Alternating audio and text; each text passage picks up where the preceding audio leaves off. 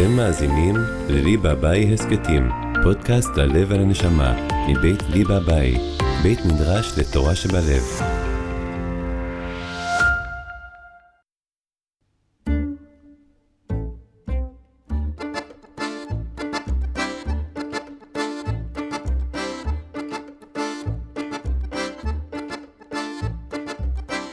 שלום לכם.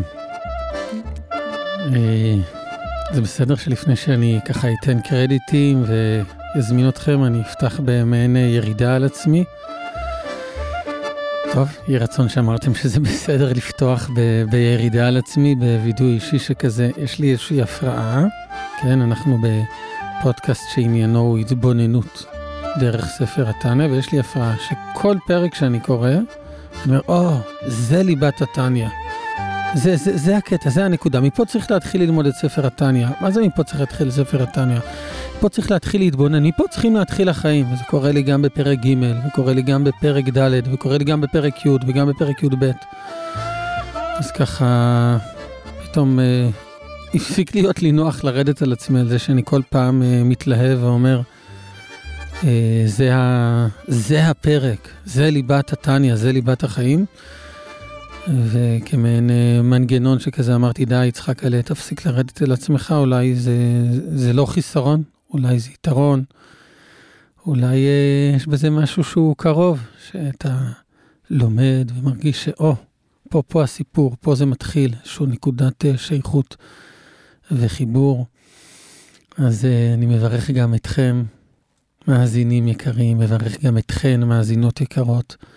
מברך גם אותך, שרון שמה, שמקליט אותי כאן בפרדס חנה, בלי בביי, את ההתבוננות הזו, את ההסכת הזה, שכן, לא נסתפק במועט, אנחנו הקדשנו את הזמן הזה, כן? אתם עכשיו לחצתם על פליי בספוטיפיי, או אולי אתם שומעים אותי ביוטיוב, אז לחצתם פליי ביוטיוב, כל אחד ואפליקצייתו הוא, כל אחד והאפליקציה שלו, אבל בתוך בחירה פשוטה להקדיש את ה...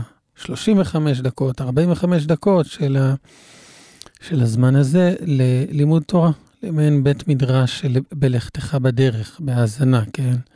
נקרא לשער שאתם שומעים אותי או ביוטיוב או בספוטיפיי, אבל תוך כדי נסיעה, תוך כדי אה, שטיפת כלים, משהו אחר שעושים.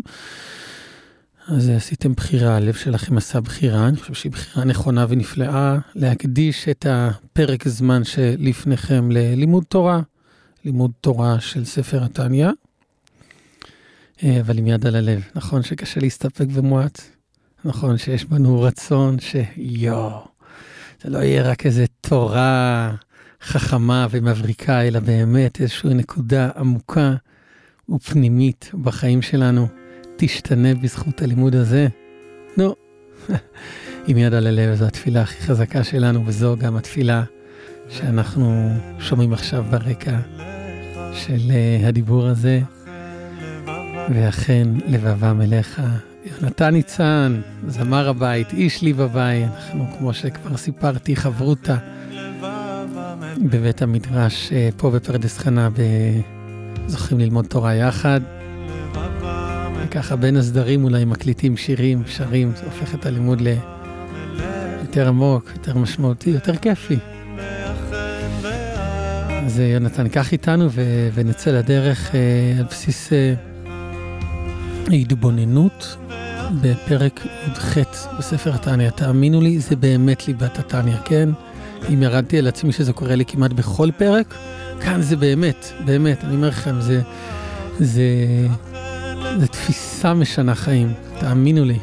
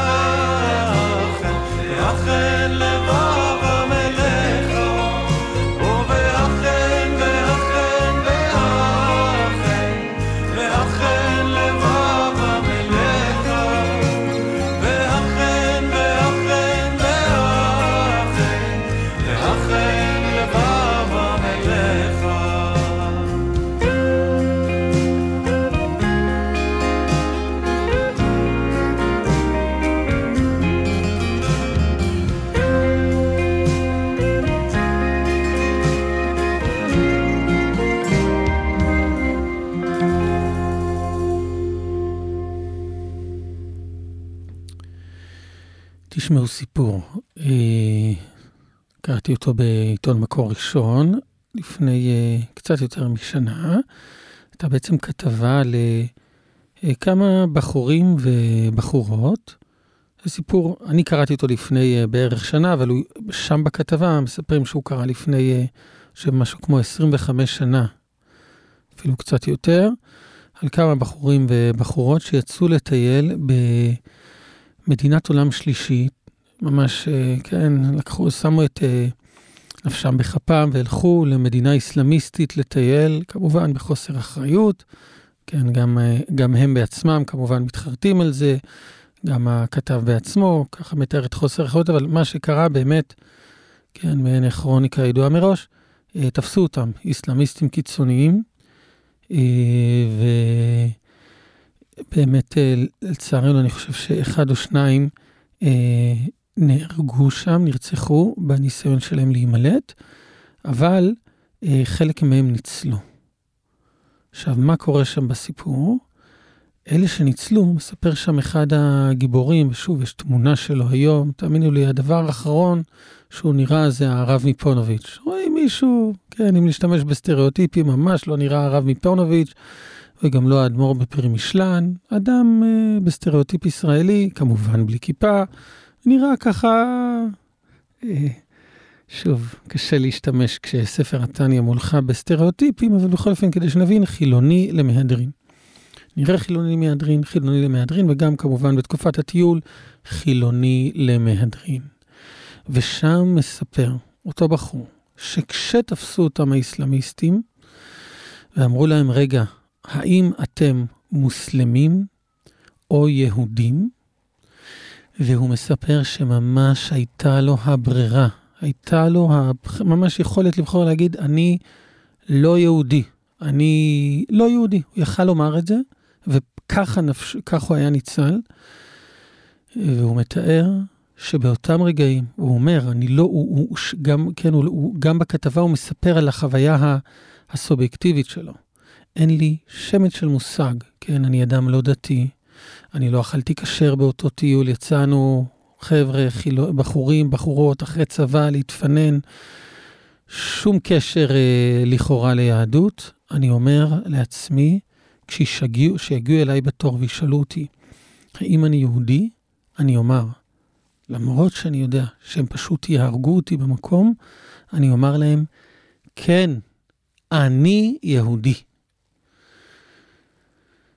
ואני זוכר את הפליאה, כן, זה לא הייתה רק הפליאה שלי, זה הפליאה של העיתונאי המראיין, זה גם הפליאה שלו, של מספר הסיפור, שהוא לא מבין מה עבר עליו באותם רגעים.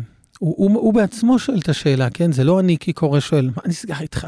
יומיים לפני כן אכלת לא כשר, יצאת על טיול אחרי צבא, להתפנן, מה, מה קרה שכשחייך עומדים מנגד?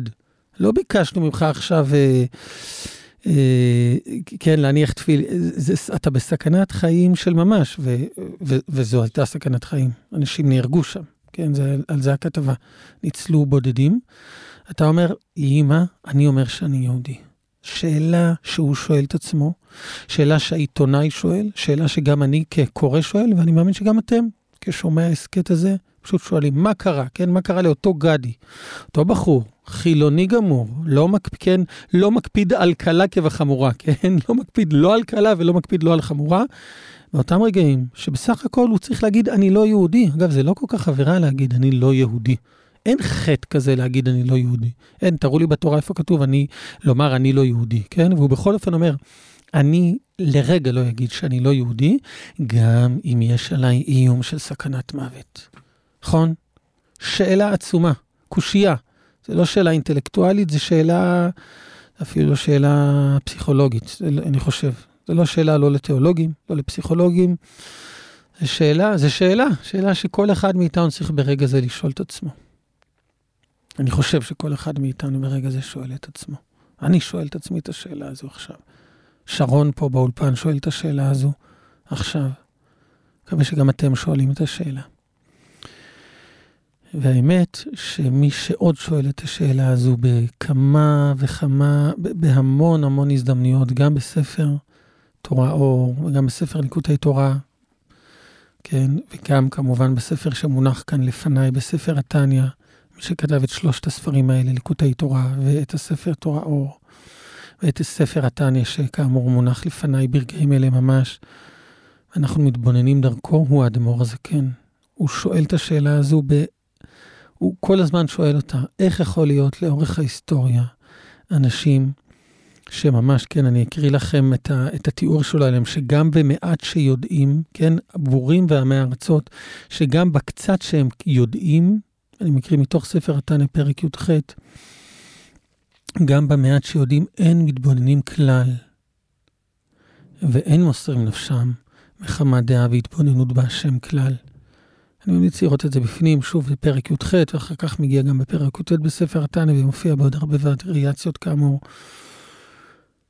בליקוטי תורה ותורה, הוא בעצם שואל מה גרם לאורך ההיסטוריה היהודית. אנחנו יודעים, פרעות תחבטת, קוזקים, קווקזים, כל, כל גולה ומה שהיא, לא משנה אם זה היה בעיראק או היה באיראן, היה בפולין או היה באזרבייג'אן, אה, יהודים מסרו נפש גם כשהייתה להם ברירה להינצל. גם כשהייתה להם ברירה להינצל, ומסרו נפש לא הרבנים של העיירה, לא התיאולוגים הגדולים, אנשים פשוטים. ו- ואנשים, אנשים, כן, פש- כשאני אומר פשוטים, לא, לא לקחת את זה לכיוון של אנשים עם, עם, עם, עם אמונה תמימה, שהייתה להם כל החיים, כי, כי לאותו גדי בכתבה במקור ראשון ממש לא הייתה אמונה תמימה, תסלחו לי, הייתה לו כפירה תמימה, הוא היה כופר. כן, אז האדמו"ר הזה כן אומר, אנחנו יודעים שלאורך ההיסטוריה, אנשים שמסרו נפשם, לא רק שהם לא היו תיאולוגים, הם היו גם אנשים שחיפפו במצוות. אנשים, כן, זה דברים יודעים, ידועים, זה מופיע בהיסטוריה, אנשים שבסופו של דבר, כשהגיע מישהו, אמר להם, חבר'ה, עכשיו או שתגידו שאתם נוצרים, או שאנחנו הורגים אתכם, הם פשוט מסרו את עצמם למיתה. מה נגיד? שהם היו צדיקים גדולים? לא, אומר האדמו"ר הזה, כן, אתם יודעים, זה היה בתקופה ההיא. אני יודע, כן, אנשים, זה, לא היו שם רק הצדיקים של העיירה. באותם אלה שהסכימו לעלות על המוקד, היו גם אנשים שפס אה, להקפיד, לא לאכול אה, משהו שהוא חשש איסור, לא היה להם כוח, הם לא הקפידו, כן? אנשים שבחייהם אה, חיפפו במצוות, אבל ברגע הזה שאומרים להם, תשמעו, או שאתם אה, מתנתקים, שאתם אומרים, אנחנו לא יהודים, כן, אתם, אנחנו נוצרים, האנשים האלה, שביום-יום חיפפו, פתאום, פתאום יצא בהם איזשהו אלמנט של צדיקות טרנס-פרסונלית, אני מחפש מילים קצת, כאילו איזשהו אלמנט של אקסטזה, איך אני, איזה, איזו... מה זה צדיקות? מגה צדיקות ש, ש, שפתאום, וואו, פתאום, פתאום נובעת מתוכם. שאלה, נכון? מה קרה לגדי באותו רגע? גדי גם שואל, מה קרה לו באותו רגע שבא אליו האסלאמיסט ואומר לו, תקשיב, אתה יהודי? אם תגיד שלא, אני לא הורג אותך עכשיו. הוא אומר, כן, אני יהודי. אז עכשיו יש פה איזשהו רגע כזה, איזשהו מומנט שאני מבקש משרון, כמו לעצור את ההקלטה. למה? כי יש בי איזשהו חשש, כן, יש פה איזושהי שאלה, שהיא מהדהדת, שאלה קשה. אמרתי, גם העיתונאי במקור ראשון שראיין את גדי תמה על זה, גם גדי תמה, גם אני כקורא, היא מהדהדת. ויש לי איזשהו פחד שאם אני לא אעשה את העצירה הזו, אני מיד אקפוץ לתשובה. וזה פחד, כי אתם יודעים למה, למה זה מפחיד. כי אם אני אקפוץ לתשובה, אז או, אוקיי, תשובה של יצחק אינטליגנטית. יפה מאוד, יצחק מאיר, שכוייך. או נגיד אני אסביר את התשובה של האדמו"ר הזקן, תגידו, או, יפה, האדמו"ר הזקן. פשש. אבל מה לעשות, הפודקאסט הזה הוא תחת ערוץ ביי. אני לא, אנחנו לא באנו פה להרעיב, להרביץ בכם דברי תורה. אנחנו כמהים לתורה שהיא תורתך בתוך מעי. תורה שנובעת מהקישקה, תורתך בתוך מעי, שהיא נובעת מ... מהכרה ביכולת של הנפש אה, באמת ל, ל, ל, אה, לפגוש תורה, לנבוע תורה. מתי קעת עמר לכשיפוצו מעיינותיך החוצה, כן? כשהבעל שם טוב שואל את, ה, את, את המשיח באותה עליית נשמה למה הוא לא בא, אז המשיח לא עונה לבעל שם טוב, אני לא בא כי אנשים לא לומדים מספיק תורה, אלא אומר כי המעיינות לא, לא הופצו מספיק. כלומר, צריך איזושהי נביאה פנימית. אם עכשיו אני, כן, אם עכשיו, טוב, שאלנו שאלה, עכשיו נענה תשובה, אז יפה, יש שיעור תורה נחמד, מה שאומר האדמו"ר הזה כן נחמד, זה גם דברים נורא אינטליגנטיים, אבל ווס הרויס פונדאים, איפה הפצת המעיינות? איפה הנביאה הפנימית? איפה תורתך בתוך מעי? איפה, הטרנ... איפה הטרנספורמציה? איפה, איפה יכול השינוי בנו? אני, אתם מבינים? כן, זה ה... בערוץ שלי בבית אי אפשר סתם להוריג דברי תורה. בפרט, בפרט, בפרט בפודקאסט, בהסכת ש... ש, שמתי, שמתיימר לקרוא לעצמו התבוננות, כן? עכשיו, נכון, ככה זה שמור אצלכם, התבוננות. שכל עניינה של ההתבוננות, כן, זה לא נקרא למידה, זה נקרא התבוננות. עניינה של ההתבוננות היא לראות איך מה שאני לומד הוא בבינה. הבינה, כלומר, יש איזשהו רעיון עמוק שבא מחוכמה, ואז חוכמה, והשלב הבא הוא הבינה. אני מתבונן בזה, אני מייצר איזשהו קשר אה, דרך, ה, דרך הבינה, דרך ההשכלה שלי, יוצר קשר עם אותו, עם אותו רעיון, עם אותה שאלה. אולי יותר נכון לומר, אני יוצר קשר, יוצר איזשהו שינוי בתוכי עם אותה קושייה, כן? זה לא רק שאלה. שאלה זה עדיין יכול להיות משהו אינטלקטואלי, אבל קושייה, כן? משהו קשה לי. משהו קשה לי במציאות, משהו קשה לי בעולם הפנימי שלי. אה, אז לכן אני ככה מבקש משרון לפעמים ללחוץ איזושהי הפסקה, שלא חלילה ניפול פה ל... לשבלונות של, טוב, שאלה, תשובה, שאלה, תשובה, עוד רעיון, עוד דבר תורה, איזה יופי, נעבור להסכת הבא. נו, ככה, מה עשינו בזה? אנחנו רוצים הפצת המעיינות, אנחנו, אנחנו כומהים, אנחנו כמהים לטרנספורמציה, וכן, אנחנו כולנו יודעים שזה לא כמיהה שלנו, זה לא רק האדם מבקש אלוהים, אלא, כן, כמו ספרו הידוע של אברהם יהושע אשל, אלוהים מבקש את האדם. אלוהים מבקש את האדם. או כמו שהאדמו"ר הזקן, כן, מי שספרו מונח לפניי ברגע זה ממש, חוזר ואומר, נתבע הקדוש ברוך הוא לעשות לו דירה בתחתונים. זה לא תאווה רק שלנו, תאווה שלו. נתאווה הקדוש ברוך הוא לעשות לו דירה בתחתונים. נו, איך אפשר לממש את התאווה הזו בלי נביאה פנימית, בלי באמת שנותנים לו אה, אפשרות להיכנס?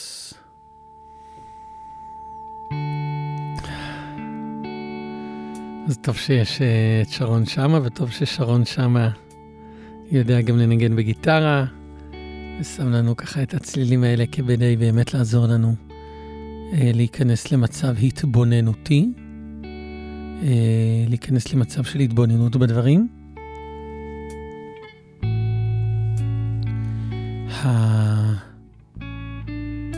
המונח שאני רוצה שנתבונן בו הוא, זה דווקא זמן, אני מקווה שיש לכם עד ביד לכתוב, או אם אתם בנהיגה אז תעצרו את האוטו בצד ותכתבו, אהבה מסותרת. אהבה מסותרת. מכירים את המונח הזה? אה, מונח ממש בסיסי וחשוב, שהאדמו"ר הזקן שוב אה, טבע אותו ומשתמש בו פעמים אין ספור. גם כמובן בספר התניא וגם בליקוטי תורה ובתורה אור. אהבה מסותרת, בעברית אולי צחה צריך להגיד אהבה מוסתרת, בעברית קצת, ב, במילים קצת יותר עכשוויות צריך לקרוא לזה אהבה מודחקת. אהבה מודחקת. שוב, המונח הוא אהבה מסותרת, כך קורא לזה האדמו"ר הזקן. אנחנו, כן, בהתבוננות, אולי אפשר לקרוא לזה אהבה מודחקת. מה זאת אומרת, אהבה מודחקת? כולנו יודעים מה זה הדחקה. פרויד אה, הצליח אה, לשנות את, להשפיע מאוד על התרבות שלנו, התרבות המערבית, בעזרת האיום הזה. חבר'ה, תפסיקו להדחיק. כן, זה הפך ל... אם עד שהגיע פרויד, אז היה לנו את שלוש עבירות החמורות, גילו עריות, עבודה זרה, שפיכות דמים. בא פרויד אומר, לא, לא, יש עבורה עוד יותר חמורה, מה? הדחקה. להדחיק זה הכי נורא. אתה יודע מה, זו עבירה כל כך נוראית שהיא אפילו דוחה את, ה, את, ה, את הגימל עבירות האחרות. כן, אמרנו שהכי חמור עד פרויד היה גילוי עריות, בא פרויד אומר יותר חמור להדחיק, אז אם, אם אתה מרגיש שאתה מדחיק, אז תעשה גילוי עריות. סתם, חס וחלילה, אני קצת מקצין את, ה, את הקוטביות, אבל... באופן פשוט כולנו מכירים התפיסה, הפסיכולוגיה אה, המודרנית, שבאה ואומרת, ההדחקה אה, היא דבר ש, שהוא ה, הוא מה שעובד, אה, הוא מה ש, ש, שיוצר את כל הנוירוזות ואת כל ההפרעות, תפסיקו להדחיק. בא האדמו"ר הזקן ואומר, בסדר, הדחקות, אבל מה מדחיקים? הדחקה, יש אהבה מוסתרת, יש אהבה מסותרת, יש הדחקה שאנחנו, אה, היצר הרע שבנו, הרוח שטות שבנו, כן, אין אדם חוטא, אלא אם כן נכנסה בו רוח שטות, כמו שהאדמו"ר הזקן מצטט. כן, מה שהוא קורא רוח שטות, מה שהוא קורא קליפה, מה שהוא קורא שטן, מה שהוא קורא יצר הרע, משהו, מה שבסופו של דבר גם מלח המוות. מה שיוצר את כל הניתוקים האלה, כל, ה, כל הניתוקים האלה, בעצם הוא זה שהופך את כל האהבה הכל כך חזקה, שטבועה בנו, לא על בסיס התבוננות. אהבה כל כך חזקה שטבועה בנו לא על בסיס מודעות, לא על בסיס לימוד תורה, לא על בסיס מדיטציה, לא על בסיס תפילה. אהבה פשוט אימננטית לנו, אבוד לנו. זה לא תלוי בנו, היא ירושה לנו מאבותינו, היא פשוט כאילו איזשהו רובד, כאילו נולדנו על האברסט, מבחינה, מבחינה זו של אהבה אינסופית, שנמצאת בתוך לב של כל אחד מאיתנו, כן, שלכן מאזינות יקרים, שלכם מאזינים יקרים, שלך, שרון, שלי, יצחק עלה, שלי, יצחק, כן? אהבה שהיא לא תלויה בהסברים. היא לא תלויה בהתבוננות, לא תלויה בלימוד תורה, לא תלויה בטעם ודת. היא פשוט נמצאת בנו.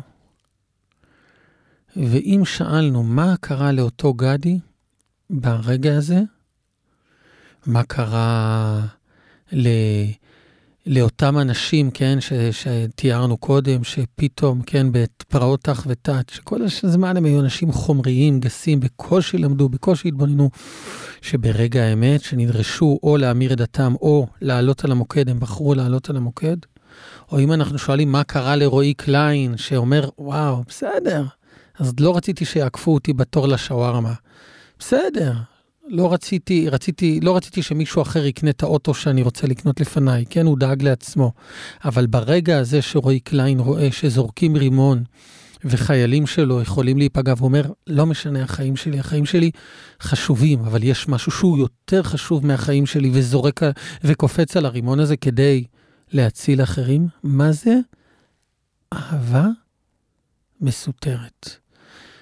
באותם רגעים האהבה הזו הפסיקה להיות מסותרת. באותם רגעים אצל גדי, שאיימו עליו אותם אסלאמיסטים, היא הפסיקה להיות מסותרת. באותם רגעים שזרקו את הרימון בלבנון על החבר'ה של רועי קליין, האהבה הזו הפכה, הפכה ממסותרת לגלויה. באותם רגעים בפרעות ת"ח ות"ט, או בעיראק, או מה שכל בהיסטוריה היהודית, שהגיעו, הגיע פתאום ה, ה, במסעות צלב, איימו על אנשים, האהבה הזו הפסיקה להיות מסותרת. אבל היא לא נולדה באותו רגע. היא הייתה כל השנים. היא הייתה כל השנים של רועי קליין עוד לפני הכניסה בלב לבנון. היא הייתה אצל אותו גדי עוד לפני שהוא ככה היה בסיטואציה עם האסלאמיסטים, והיא נמצאת ברגע זה ממש אצל מי שעכשיו מדבר אליכם, כלומר יצחק מאיר. אצל מי שעכשיו מקליט את הפודקאסט הזה, היא נמצאת ברגע זה, כן? אנחנו מקליטים לכם עכשיו השעה מה השעה בפרדס חנה? שעון פרדס חנה, שש ורבע בדיוק, שש ושש עשרה דקות בדיוק בפרדס חנה. היא נמצאת עכשיו, עכשיו, אצלך שרון אצלי, ונמצאת אצלך מאזינה יקרה, ונמצאת אצלך מאזין יקר. אלא מה? היא מסותרת. האמת שככל שלומדים יותר תענה, היא הופכת לפחות ופחות מסותרת, היא פתאום מתגלית. אבל, אבל, אבל היא קיימת, גם כשלא לומדים טניה. כן, כמו שאמרתי קודם, גם, בת, גם בתור לשווארמה, שכל מה שמעסיק אותך עכשיו זה, או רק שאף אחד לא יעקוף אותך, ואיך אתה מגיע ראשון, היא גם נמצאת שם. היא כל הזמן נמצאת, והיא לא תלויה בכמה תעניה למדת, היא ירושה מאבותיך. אז מה אנחנו כל כך מפחדים? מהדחקה, כן? אולי אנחנו בכל התעופות שלנו מדחיקים משהו, נכון? אני, אני ככה מכיר את זה אצל עצמי. זכיתי ללמוד הרבה מאוד תורה מ... הרבה מאוד תורה מיהודי יקר שבעיקרים, קוראים לו הרב מרדכי רוטנשטיין. אני ממש ממליץ גם את השם הזה לרשום, כן? מתחת אהבה מסותרת, אז תכתבו לכם בכוכבית, לחפש שיעורים שלו ביוטיוב. אה, משפיע חב"די עוצמתי מאוד מאוד. קצת קשה לעיכול בשיעורים הראשונים. אה, ככה איש של תעופות, שמו שוב הרב מרדכי רוטנשטיין. והוא קירב אותי לחב"ד, הוא, הוא לימד, ממנו למדתי. אה, ממנו התחלתי ככה ללמוד טניה, ברוך השם, ואת כל, ה, כל הנקודות. ואני זוכר, אחרי אחד השיעורים, ככה למדנו בשעות הבוקר המוקדמות, ברוך השם, ככה בחמש בבוקר. ב-12 בצהריים, לא התביישתי, כתבתי לו בהודעה, תשמע, כבוד הרב, באמת, אני מרגיש שהדברים נוגעים והם משמעותיים ושייכים אליי, אבל האם, האם אני לא מדחיק נקודות אפלות שנמצאות בי? כי כן, בכל התעופות האלה, בכל הלימוד על החלק אלוה ממעל ממש, ועל הנפש האלוהית, ועוד פעם, ואז יש משהו עוד יותר עמוק, ריש דלויטיאדה, וגוף, אה, עצמות ומהות אין סוף, כפי שהעמיד עצמו בגוף גשמי, והמון דברים, כן, של, של, של מהות ואור אין סוף וצמצום לא כפשוטו. שאלתי אותו, תשמע, הרב, זה, זה מאוד נוגע בי, הרי שאני קם בחמש בבוקר ללמוד את הלימוד הזה, אבל אולי, אולי יש כאן הדחקה. ואז הוא ענה לי תשובה שככה, שוב, אני, כבר היה לפני uh, כמעט שנה, ההתכתבות הזו בינינו, אני זוכר, הייתי באיזה חנות פה בפרדס חנה, אני זוכר בדיוק את המקום, חנות של נחמיאס, ליד הביג פה בפרדס חנה, אני זוכר שזה ככה, הוא אמר, נכון, זה מדחיק, זה מדחיק דברים, אבל כשאנחנו לא מודעים לכל הדברים האלה, אנחנו מדחיקים, מדחיקים את המהות. כן, יש היררכיה בהדחקה. יש, לה, יש להדחיק נטיות נפשיות, הוא אומר, ומה אם להדחיק את הנשמה? אתה חושב שלנשמה לא כואב שמדחיקים? כן, אם אנחנו כל כך כל כך עסוקים בסדנאות של מודעות עצמית, שזה נפלא וחשוב, ואני, ברוך השם, זוכה לקחת חלק בהם, וזוכה לפעמים גם ללמד, אבל אוקיי, כולה מודעות עצמית. אבל מה עם סדנה למודעות עצמות? מודעות עצמית, אוקיי, אבל יש מודעות עצמות. יש משהו שהוא הרבה הרבה יותר עוצמתי ומהותי שנמצא בתוכך, שהוא מעבר ל, ל, למודע, ל, למה שאתה מספר על עצמך, מעבר לאזורים הנמוכים שבך, שהוא ירושה לך מאבותיך, שהוא אימננטי לך בלי קשר לצורת המחשבה שלך.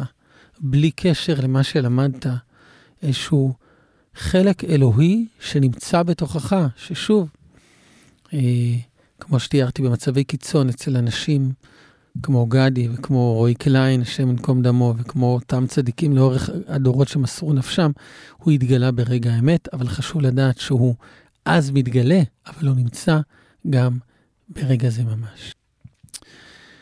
אה, אז ברשותכם, אני רוצה קצת להוריד את זה לקרקע. כן, אני מרגיש שככה הגענו לתעופות, אני רוצה לקחת את הקלישה בזה. או כמו שהרבי מלובביץ' אמר, אל תעשה עם הידיים. כן, הוא אומר, לפעמים אתה עושה עם הידיים איזה, אוי, גוואלד, גוואלד.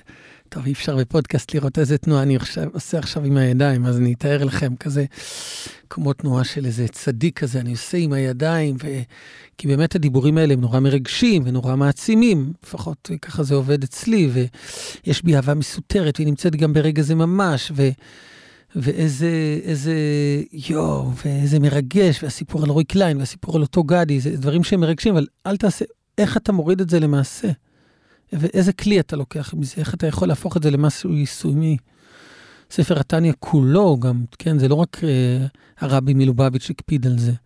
גם הסבא רבא רבא שלו, האדמו"ר הזקן, מאוד הקפיד על זה ש, שנשתמש בתובנות האלה כדי לייצר כלים ביום-יום, כדי, כדי להצליח להתמודד עם אתגרי היום-יום. לא, לא נלמד את זה רק בשביל שחס ושלום, כשיבוא איזה קוזק ויגיד לי, או שאתה מוסר נפש או שחלילה אני עושה לך מה שעושה ואז אני אמסור נפש. איך אני הופך את זה לתפילת ערבית של היום? איך אני הופך את זה לקשר עם, עם בת הזוג שלי? איפה אני הופך את זה ליום-יום? ושרון, שים לנו ככה את הגיטרה שלך ונהפוך את זה לכלי, כן? לעשות, רבי נחמן אומר, מה, לעשות מהתורות תפילות בעזרת הגיטרה שלך, שרון, אנחנו עושים מהתורה כלי. אה, אני חושב שאפשר, אני אגיד לכם מה אני משתמש. בסדר, קחו אתם את הכלי שלכם, ואולי אפשר לכתוב בטוקבקים מה, מה אתם לוקחים מזה. אני אשתף על עצמי, בסדר? שהרבה מהאתגר שלי הוא מה לה, כן, מה, מה, איך עובדים כשלא מרגישים. איך עובדים כשלא מרגישים, כן? אני יודע מה זה קבלת שבת, שוואו, שיש לי התקף נשמה. שפתאום כל מילה, ואני רק רוצה שהקבלת שבת הזו תהיה ארוכה יותר, ושינגנו כל, כל פרק בקבלת שבת בשלושה לחנים של קרליבך. זה אני יודע, זה אני יודע מה לעשות, איזה כיף. כיף נשמה. אבל מה עושים כשזה לא ככה, וזה הרבה פעמים לא ככה. בואו, כן, או מה עושים... אה, מה עושים, מה עושים כשמרגישים יותר מנותקים מאשר מחוברים? מה עושים כשלא מרגישים? שאלה שמאוד מאוד מטרידה אותי. מה עושים כשמרגישים מנותקים? וכשקוראים את ספר התניא, אז מרגישים פחות לבד בשאלה הזו. הספר תניא הוא כולו ליקוטי עצות, הוא כל עצות שהאדמו"ר הזה כן כתב לנו, כי כבר לא יכ... הוא לא יכל לעמוד בעומס, שהיו מגיעים אליו המונים לשאול את השאלות האלה. רבה, מה עושים? אתה כולך מלחין את אליעתה ואודקה, כולך בעיניים מצועפות, כל תפילה שלך היא תפילה, כי כנראה יש לך הרבה התקפי נשמה. אבל מה יהיה איתנו? אנחנו כל כך בינוניים, כל כך נעים בין ה... נעים, ב... ב... בין, בין הבינוניים, כן, בינוניים, נעים בין הקווים. שפעם יש לי את הקבלת שבת הוואו, ואחרי זה יש לי את ה... לרוב זה מיד אחרי הקבלת שבת הוואו. את המקום הכל כך לא מבין מה... מה עושים, מה, מה אמורים להרגיש, לא מרגיש כלום, רק ניתוק. אז הכלי הנפלא הזה של הקשבה דרך הקשבה, דרך אה, אהבה מסותרת, שוב, מי שרוצה להעמיק בזה בפנים, אני ממליץ מאוד פרק י"ח בתניא, ואחר כך הוא ממשיך לפרק י"ט, וכדאי להסתכל בפנים. בעצם הכלי, אני, אני רשמתי לעצמי, זה נקרא, הכלי זה להרגיש שלא מרגישים. כלומר,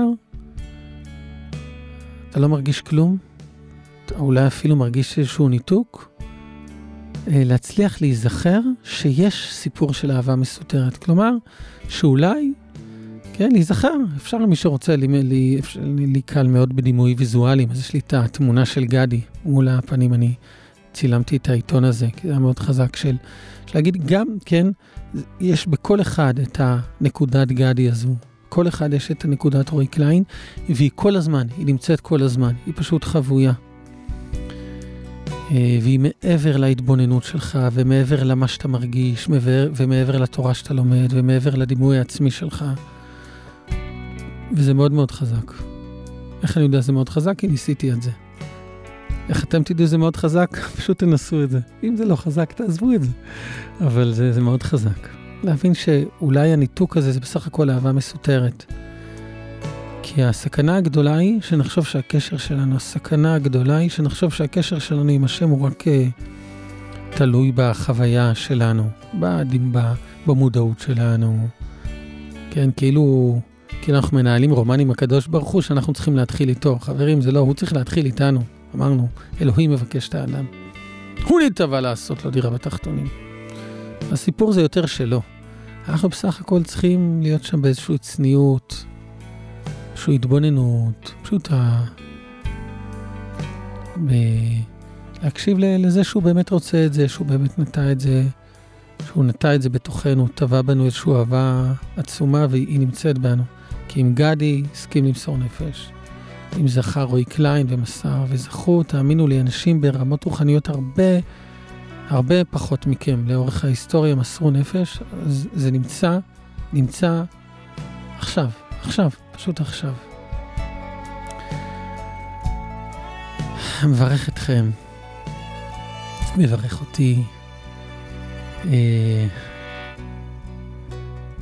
שנזכה להתבונן בזה על אמת, על אמת על אמת, ככה, על אמת, הכי חשוף שיש. תודה לך, שרון שמה הכהן, כאן באולפן בפרדס חנה, לי בבית. תודה רבה למעיין יהודה כהן, מנכ"לי בבית. תודה רבה ליולי מלכה דרור, מנהל, איך ההגדרה של יולי, שרון? מפיקה בפועל. אה, ברור, עשה את הדירה בתחתונים בפועל ממש. יולי מלכה דרור, אה, תודה לכם על ההקשבה. תודה לך, אדמו"ר הזקן, ככה על תורה כל כך מתוקה. שים חסד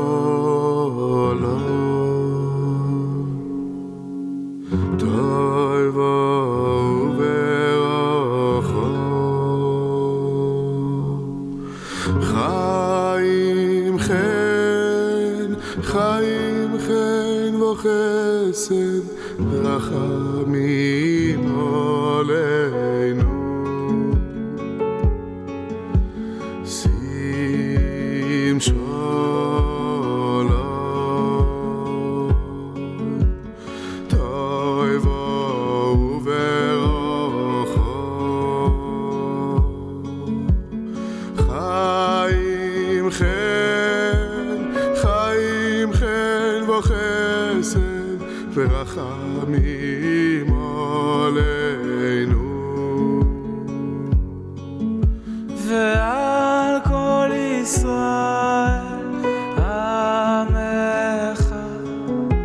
ועל כל ישראל.